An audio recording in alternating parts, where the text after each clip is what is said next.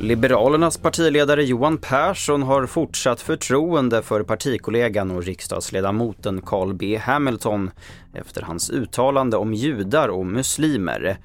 Hamilton bad igår kväll om ursäkt efter uttalandet som väckt starka reaktioner. Jag har förtroende för Carl B Hamilton. Eh, vi gör alla eh, misstag eh, i vårt arbete ibland och det här var ett misstag av Carl B Hamilton.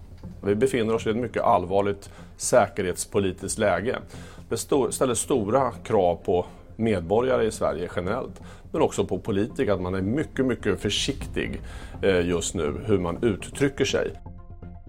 Händelsen där en kvinnlig anställd skottskadades vid det svenska konsulatet i turkiska Izmir utreds nu av terrorbekämpningsenheten, det rapporterar SR.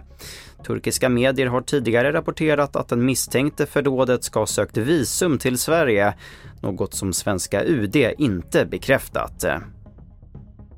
MP-toppen och tidigare trafikborgarrådet i Stockholm Daniel Heldén vill ta över som språkrör för Miljöpartiet efter Per Bolund. Det säger han till Aftonbladet. Och han är redo att leda partiet även som ensam partiledare om Miljöpartiet i höst väljer att lämna modellen med två språkrör. Och det var den senaste uppdateringen från TV4 Nyheterna. Jag heter Albert Hjalmers.